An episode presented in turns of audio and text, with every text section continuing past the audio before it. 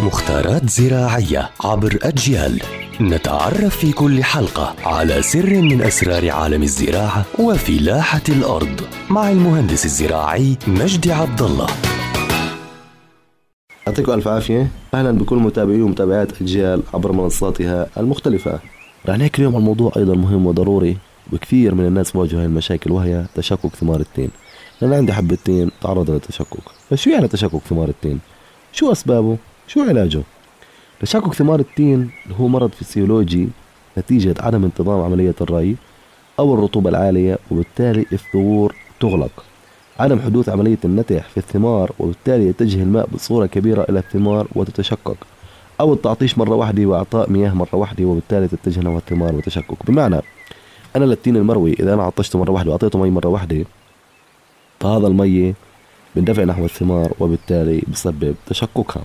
طبعا علاجها انتظام عملية الري وزراعة أصناف تتحمل التشكك. يعني في أصناف من التين بتكون متحملة توليرانس ما بزبط أنا أزرع أي صنف إيه، تين وواجهني أمراض مثل تشكك الثمار. وأيضا العناية بالشجرة جيدا لإعطاء أوراق جيدة ونمو خضري جيد تساعد على تضليل الثمار وحمايتها خصوصا في الصيف ودرجات الحرارة العالية. بمعنى أنا لما أزرع شجرة تين جيدة وفيها نمو خضري وفيها ورق كثير فهذه الورق بتحمي الثمار من الإصابة بالشمس لأنه الشمس ودرجة الحرارة العالية أيضا تسبب تشكك ثمار التين. فهذا هو موضوعنا اليوم وهو تشكك ثمار التين أسبابه وعلاجه ويعطيكم ألف عافية.